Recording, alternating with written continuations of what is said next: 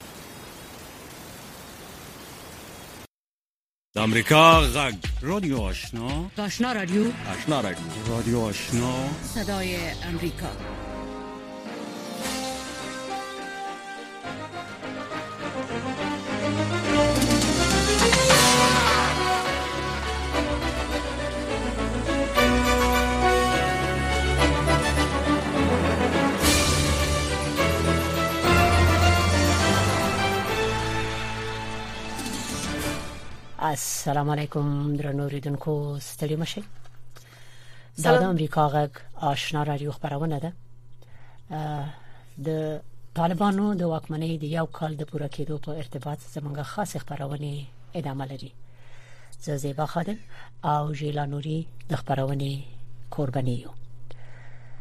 د طالبانو د سرپرست حکومت یو کال شو مګر د بشري حقوق او د خزو د حقوق مسله نه ده حل شوې د کار او تعلیم د حق نه د خزو او جنو محرومول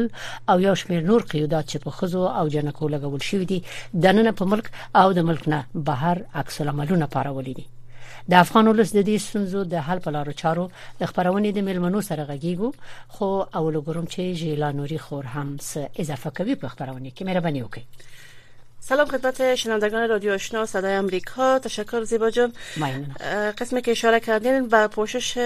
خبری و برنامه های ما در مورد یک سالگی سقوط افغانستان به دست طالبان ادامه داره و امروز در مورد وضعیت حقوق زنان در سلطه طالبا با چند مهمان خاص صحبت میکنیم که حتما شنونده ما تا آخر برنامه باشید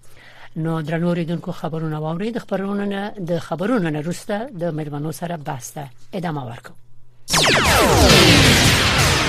با عرض سلام احد عزیزاد هستم از رادیو آشنا صدای امریکا با تقدیم اخبار افغانستان منطقه و جهان اتحادیه اروپا یک روز پس از سرکوب تظاهرات زنان در کابل گفت که پس از بدتر شدن وضعیت برای زنان و دختران در افغانستان نگران بوده و هشدار داد که کمک های بشردوستانه این اتحادیه با مردم این کشور مشروط است. روز گذشته جنگجویان گروه طالبان برای متفرق کردن گروهی از زنان معترض در کابل از خشونت کار گرفتند. شماری از آنان را لطوکوب کردند و دست به فیرهای هوایی زدند. جوزف بورل رئیس سیاست خارجی اتحادیه اروپا در یک اعلامه گفت که این اتحادیه به گونه اخص در مورد آینده زنان و دخترانی که از آزادی حقوق و دسترسی به خدمات ابتدایی مانند آموزش به گونه سیستماتیک منع اند، نگران است. پس از گذشت یک سال از تسلط دوباره طالبان بر افغانستان این گروه هنوز هم دروازه های مکاتب متوسطه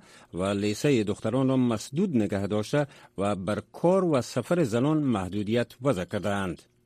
اتحادیه اروپا تلویحا هشدار داده گفته است که کمک های بشر دوستانه با مردم افغانستان مشروط به یک افغانستان با ثبات صلحآمیز و مرفع بوده و طالبان باید اصول حقوق بشر به ویژه حقوق زنان، دختران، کودکان و اقلیت را حفظ کنند. اتحادیه اروپا تصریح کرده است که افغانستان باید پایبند پیمانهای بین المللی باشد که این کشور در آن شامل است به شمول حفظ و نگهداری حقوق اقتصادی، اجتماعی، فرهنگی، مدنی و سیاسی مردم آن کشور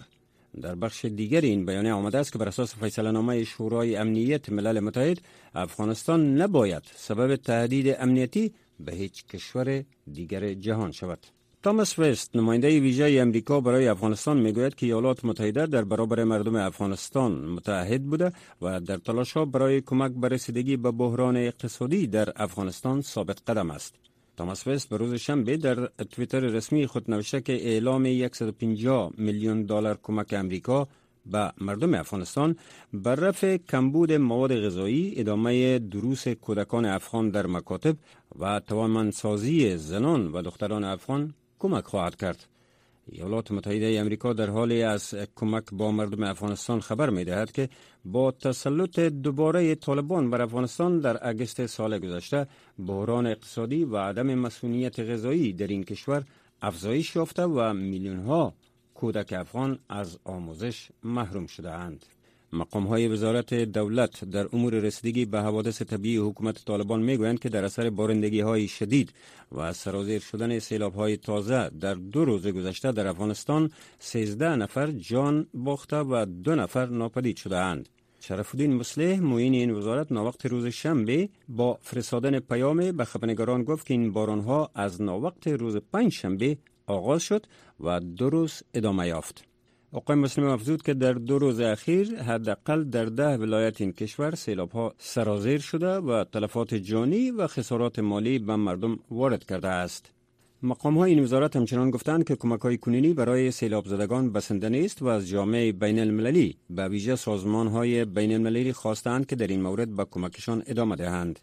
وزارت امور داخلی بریتانیا میگوید پس از حاکمیت طالبان تا کنون 15 هزار افغان را به این کشور انتقال داده و قرار است حدود 5 هزار تن دیگر را نیز انتقال دهد. پیش از این مقام های طالبان بارها گفتند که بر عملی کردن فرمان رهبرشان مبنی بر عفو عمومی متحد هستند و از خروج کسی از افغانستان خوشنود نیستند.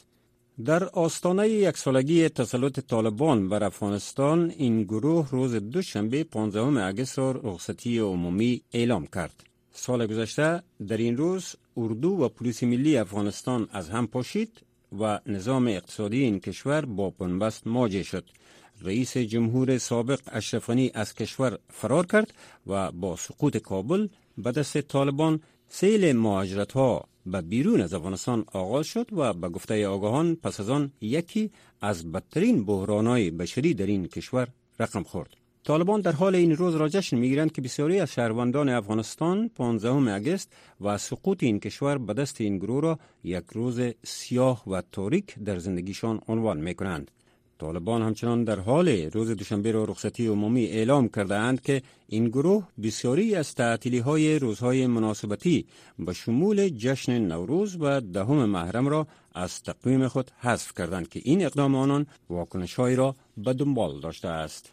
ادامه اخبار از رادیو آشنا صدای امریکا دکتران دستگاه تنفس مصنوعی را از سلمان رشدی نویسنده کتاب آیات شیطانی برداشتند و او کنون می تواند صحبت کند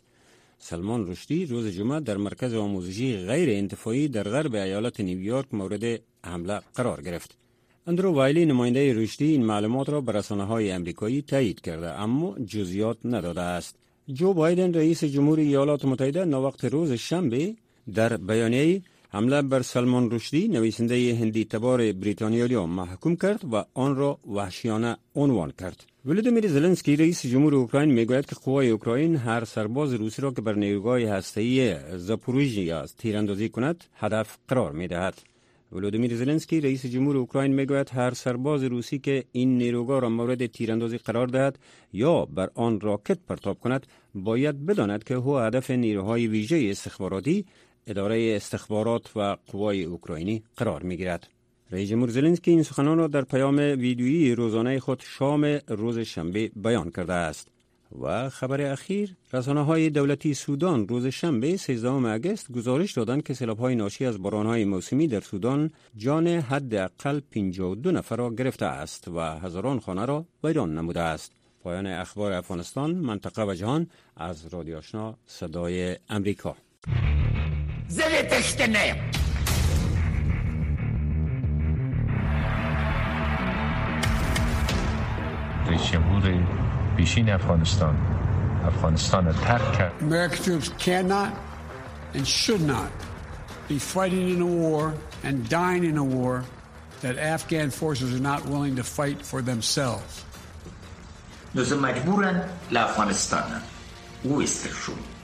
تر څو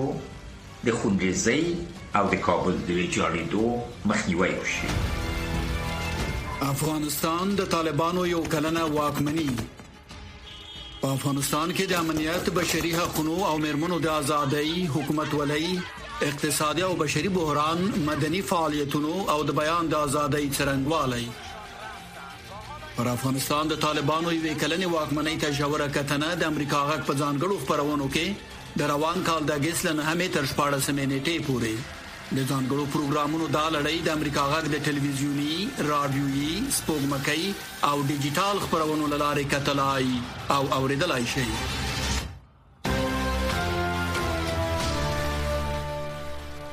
درنو ریدونکو لکه څنګه چې تاسو واوریدل د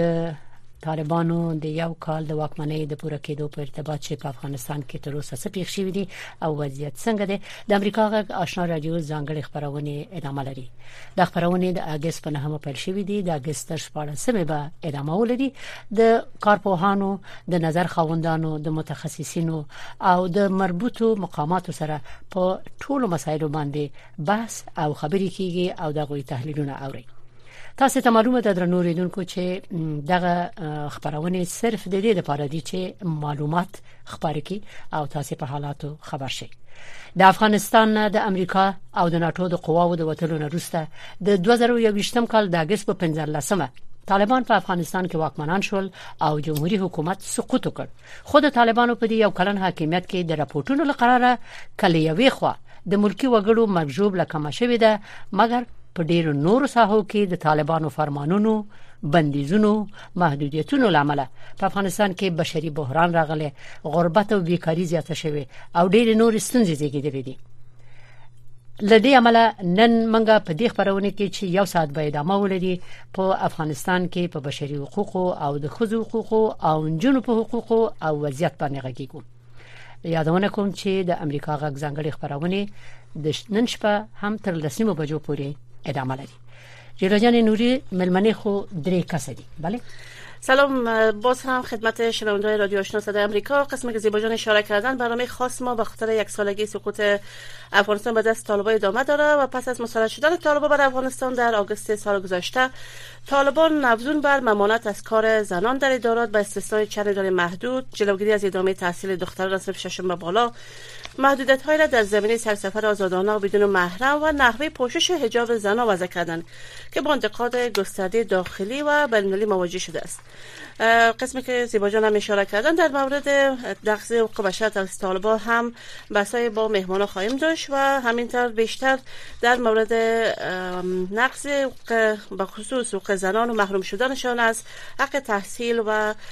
آموزش و سایر حقوق اجتماعی با چند مهمان امروز صحبت میکنیم که بله. مهمان ما را زیبا جان کیا هستن امروز نن خو منګه درې تنه محترم خويندې لرو په پروګرام کې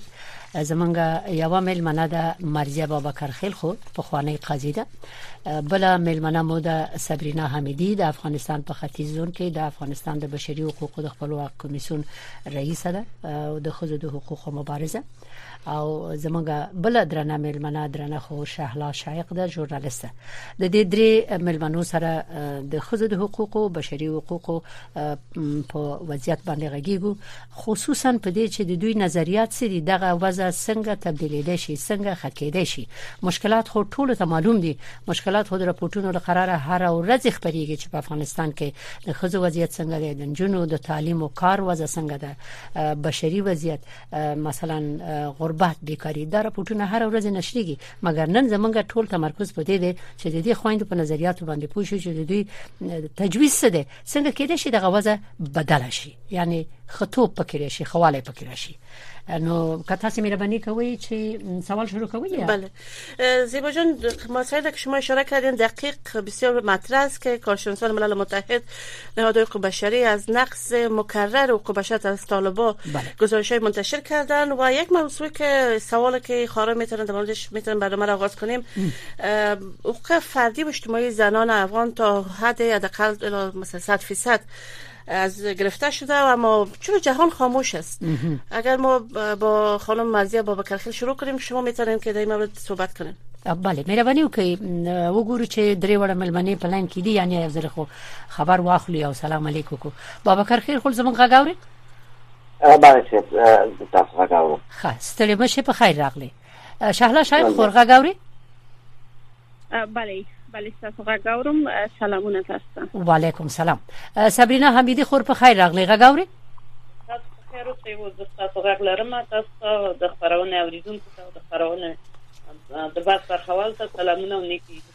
تاسو درې وړ خوندنه ډیره زیاته مننه نن خو د سورز چې موږ غواړو ساسي نظریات او د خزو د حقوقو د بشر د حقوقو او دغه سي دغه ټول عمومي وضعیت باندې تاسو خپل نظر ورکړئ مشکلات معلوم دي خو زیاتره که په دې برخه کې نظر ورکړئ چې دا وضعیت څنګه بدلیدي شي تاسو څه تجویزونه لرئ نو مخکې خو یو سوال وشو او هغه سوال زمونږ خور مرزی بابا کرخیل ته راجع بود درست بله سلام ایمان عزیز خوش آمدین بخشش باشه سلام علیکم نکردم درست میگم بله چون یک موضوع که همیشه مطرح است اگر حقوق زنای افغانی رقم از حقوقشان محروم شدن و تاس طالبا مکرره نقص شده چرا جهان خاموش است به نظر شما خاموش ده جهان بله. سلام خدمت شما و شنونده محترم اصلا حقوق زنان در افغانستان زن در مجموع از شروع تا به حال مشکلات اجتماعی و سیاسی خود در افغانستان داشته است اشرو تا به حال که میگین چی مانا؟ زمانی که من خودم به شناسم 56 سالم است خب بایس قاضی در افغانستان کار کردیم و در جامعه مدنی فعال بودیم همیشه ما برخوردهای سلیقوی در مقابل زنا دیدیم و داشتیم افغانستان یک مملکت سنتی است زنا همیشه با اشکال مختلف مثلا کارشان زیر تاثیرات مردانه قرار میگیره از بخواهیم نخواهیم اگر من یک قاضی بودم هیچ وقت نمیدانستم که اگر قانونم برای من اجازه میداد من اجازه را نداشتم که ما قرار قضایی را باید اول امضا کنم باید من قاضی مرد او را یک دفعه ریویو میکردن از بعد از بعد از قبول شدن از اونا اعضای دیوان قرار امضا میکردن مگر موضوع مهمه که امروز ما زنای افغانستان در مجموع به خصوص فعالان که در افغانستان هستند از تمام حقوق خود محروم هستند به خصوص که بله. با مدن دولت طالب اولین کار کردن که قضات زن دیگه اینا به وظیفه اجازه ندادن مثل از او خانمای پلیس و خانمایی که در دولت قبلی کار میکردن همه از اینا انسان هستن همه از اینا مسئولیت دارن اولاد دارن پدر مادر همه چیز دارن من فکر نمی کنم که فاجعه که امروز در حق زن افغانستان شده ممکن است در تاریخ بشریت همچه فاجعه صورت نگرفته باشه خب تشکر از شما شهلا شای خور ستاسو په نظر دغه وضع چې زمونږ خور به بکرخیل وي چې دا اول نه تر اخره خزي د نارینه او تر تاثیر لاندې وي حتی په قضا کې نو تاسو سوې د یوې ژورنالیست په صفت په خپل کار کې همدغه سه مشکلات تاسو درلودل او خصوصا په دې تیر یو کال کې بیا هم د امریکا غټ قدرمنو اوریدونکو ته سلامونه زه دا چې ټول روغ او جوړ اوسئ زه که رښتیا وایم د رسنیز په بهیر کې تاسو که پښتنو کې یوازې رسنیز په برخه کې مونږه د ستونزې دومره زیات نه وي لکه سناسه وو لکه بابا ګرسکیل خو یادونه وکړه خصوصا د قضایو په برخه کې د ستونزې وی خزینه داسې یو حالت سره مخ کېدل چې هلته د نارینو او د خزینو دغه کوم یادونه چې خور وکړه چې لکه کور نه نیولې تر ټول محیط کې په ټول اجتماع کې و پرسنیز دګر کې څومره زیات نه و لکه تاسو لیدل په دې شل کالو کوم فعالیتونه چې د رسنیز په برخه کې خو ته ډیر زیات دغه فرصت برابر و بله بله ډیر زیات زه خپل خپل تجربونه یادونه کوم زمونږ خپل چې البته شخصي رسنۍ و مونږه مسولینو زو د ژوند ملګری می مونږه پورا اتخذ ته ډیر زیات وخت ورکو چې هغه ډیر زیات فعالیت کوي هغه مونږه تشویقول ځکه مونږ په دې چې ټولنه داسې ده چې البته خو ډیر محدودیتونه سره مخ دي ته باید تشویق شي ترڅو کولای شي ټولنه کې فعالیت پیل کړي چې هغه تشویق کونه نه یوازې زمونږ په رسنیز بهیر کې بلکې زه فکر کوم په هر رسنۍ کې چې د افغانستان وو دوی ته دغه وخت ورکړ شو دوی تشویق شوی وو دوی ته ځکړې ورکړ شو او ته نارینو هم دوی سره مرسته کوله کوم برخه کې چې دوی ستونزې درلودل یا مثلا بیرون راپورټونو په برخه کې ورسره مرسته کوله ته زیاتره کوشش کوو چې هغه ځایونو ته چې خزي په خطر دی امنیت سی مشکلات دی الته به نارینه تلل یعنی زه خپل نظر وایم زه نه پوهیږم چې نور به په دې باندې بله هر څوک د خپل نظر مسولیت لري په دغه برخه کې موږ پورا ډیر زیات دوی ته مرسته کول دي سپورټ کول دي تشویق کول تر څو پرمختګ ته ودې ته دوی هغه شی وهسيږي او فامیلونه دوی په اطمینان حاصل کړي دوی یو سیف دي کې دي او نو ځکه موږ همیشه داسې یو محیط جوړولو مېرمنو لپاره ښه تا نه مننه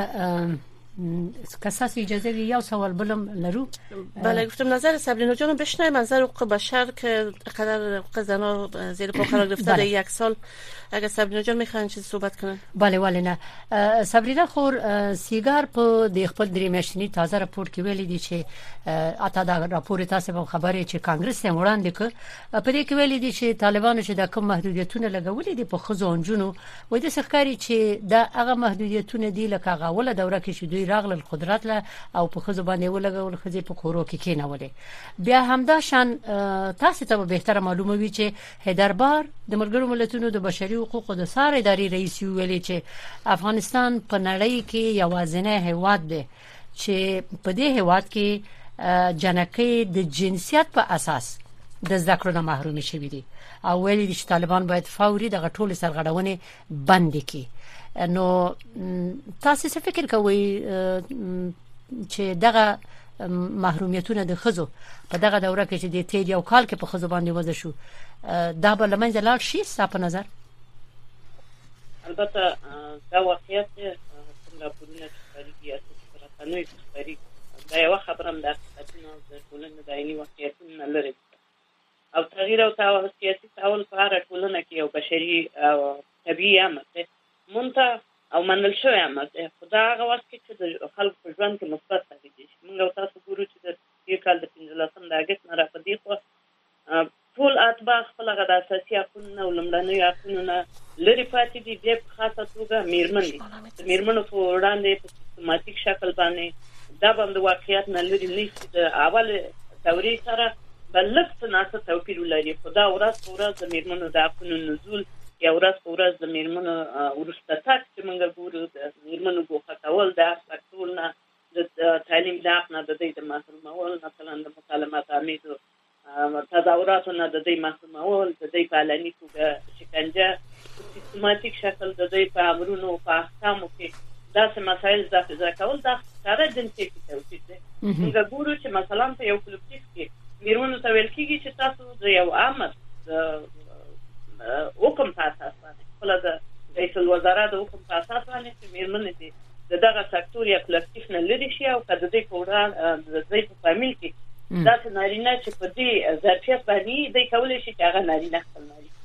یعنې دا په سیستماتیک شکل میرمنې د صحنې نه ایستل دي د تعلیم د حق نه د دوی محرومول مثلا په کور باندې کینول په دوی باندې محدودیتونه ورځ تر بلې وضع کول کدی د ازادۍ د بیان د ازادۍ حق محدودول د دې کدی غږ پورته کوي مثلا د نیول کیږي بیا په نیونه کې د نظارت په دوران کې اول خو د نظارت او د توقیف او دا شیانو مسله کېږم مطمئنه نشته ځکه دای په لومړیو کې د خزو وزارت د منحل کو د بشري حقوقو کمیسیون منحل کو نظارتي میکانیزمونه نشته د مدافع وکالت ته لاسرسي نه لري د عدالانه محکمې اصول نه پلي کیږي نو هغه به طبعا هلته ستونزې او ځورونې او شکنجه او د عدلیه نه اضافه پاتې کېدل مثلا په نظارت کې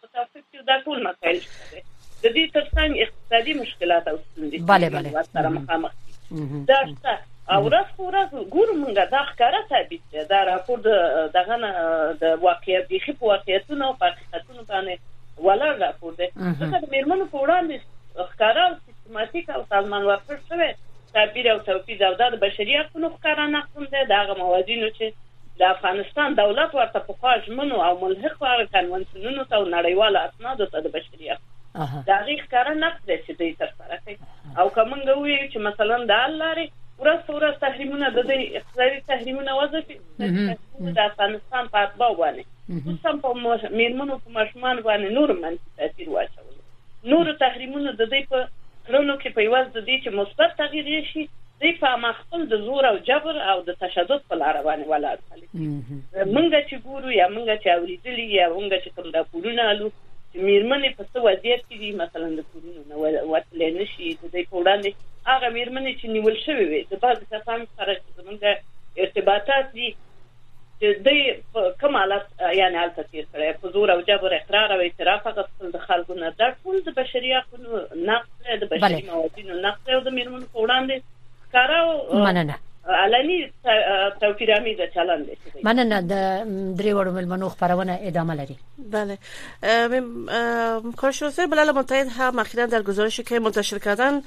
گفتند که طالبان از ادامه نقض شدید حقوق بشری توسط جنگجوی گروه طالبان ابراز نگرانی کردند و گفتند که هیچ نشانه برای تغییر وضعیت حقوق بشری در افغانستان وجود ندارد و همچنان اشاره کردند که پاکسازی زنان و دختران از جامعه به طور سیستماتیک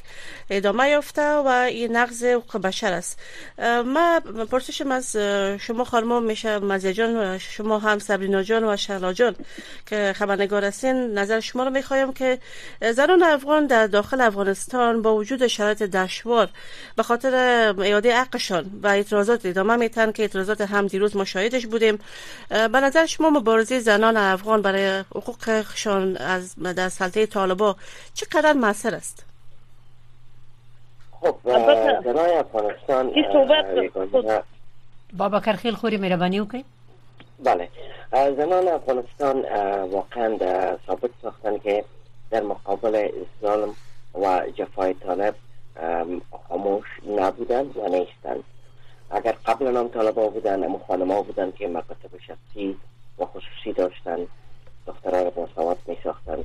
و امروز هم امی دختران افغان زنان قهرمان افغانستان هستند که در مقابل طالب اونا می کنند اونا کدام امتیاز دیگه نمیخواین آزادی کار نان این حق هر انسان است اگر امروز شما میخواین زندگی کنین شما بر نان ضرورت دارین اگر آدم درس میخونه واضح است که او بر کار ضرورت داره تا حداقل مو زحمتی که کشیده مزد از او را این کدام گپ غلط نیست و ای در تمام جهان رایج است که انسان در مقابل بیعدالتی ایستاده شوه و خود مظاهره یا صدای خود در مقابل بیعدالتی کشیدن ای در قانون در قانون انسانیت ای کدام گپ گناه نیست مگر ما در یک مملکت هستیم و فاران ما در یک مملکت هستند که اصلا طالب بالای طبقه زن در افغانستان اصلا حساب نمیکنه باید یک به تایید افای اردو خواهر ما کونا خانما را میخوایم که کاملا از صحنه کار و از صحنه زندگی خارج کنند ما ای را میخوایم برتون بگویم که ای بر جهانیان نشان میده که مبارزه برای حقوق و کرامت خود که زنان افغانستان مثلا قبل انداشتن و این ادامه میتن این موضوع این یک موضوع سیاسی میشه و طبعا یک تاثیر بنیادی در زندگی زنان افغانستان خواهد داشت ډیره مننه تاسو نه جیلا جان نوري تاسو په اجازه زه غواړم یو بل پښتنه مطرح کوم او غدا ده چې د طالبانو د واکمنۍ د یو کال د پوره کېدو په ارتباط داخل او خارج کې ډېری تفسیری روان دي ارڅو خپل نظر څرګندوي د افغانستان پخوانی جمهور رئیس حامد کرزي ویلي دي چې په تیر یو کال کې د طالبانو په حاکمیت کې په دغه دور کې وي فقط یو کار شوی دی چې د ملکی وګړو مرګ جوړ لکه مشوي د نورو سوې کم د مثبت کار نه دی شوی مګر بیا په جواب کې ذبیح الله مجاهد ویلي دي چې طالبانو په دې تیر یو کال کې هغه غټ کارونه چې کړی دی او دا چې خارجي اشغالګر د ملک نه وېستل او دغه مشکل کم شو د تلفات ملکی وګړو تلفات کم شوی دي یعنی دوی دغه دوه کارونه چې یو د ملک نه خارجانو وتل او بل ملکی خلک لري وژل شوی زخمی شوی یا کم شوی دي دغه دوه مهم ګامونه بولی او بل خبره دا کړې ده وای چې د بشري حقوقو مسله چې مطرح کیږي د باندې د خلک پوښي چې دا د بشري حقوقو مسله یا د خزو حقوق یا دا مسایل شدي دا وای د غرب او همداشان افغانستان کې دا فرق لري د تعریفونه نو زه غواړم چې ساسې په نظر باندې پوه شم چې دا څنګه د تعریفونه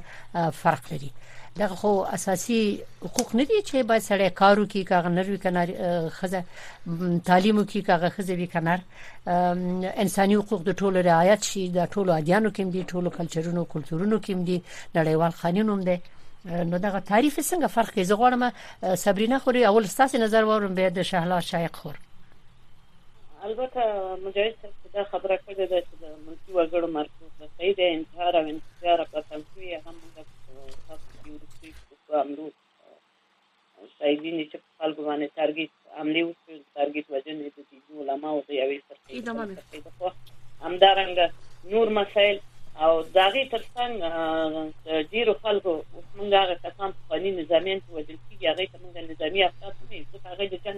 افغانه کې نه نظامی کسان او د جګړې پر مهال کسان ځان ته خپل تعریفونه لري آیا د دغه کسانو وژنه د ملکي خلک دی یا نه ګراف دغه نور عملات او انتحار او انفجار او د شیان چې په دې خوا کې دل هغه به کم شي چې کاملین هم دي مون تاسو هم د خلکو هم وژنه شته د خلکو نه فزیکی امنیت لري څنګه چې لازمه ده فزیکی امنیت دې چې انسان روح نه مارا روح نه ماتونه اداره کوي هغه د خلکو نشته خلک د یری او دار سره ژوند او بیا همدا اوس په کل کې نه اکثریت خلک ځکه په کل کې ډیر شاملېږي همدا رنګ دی چې ویل چې د غرب انساني حقونه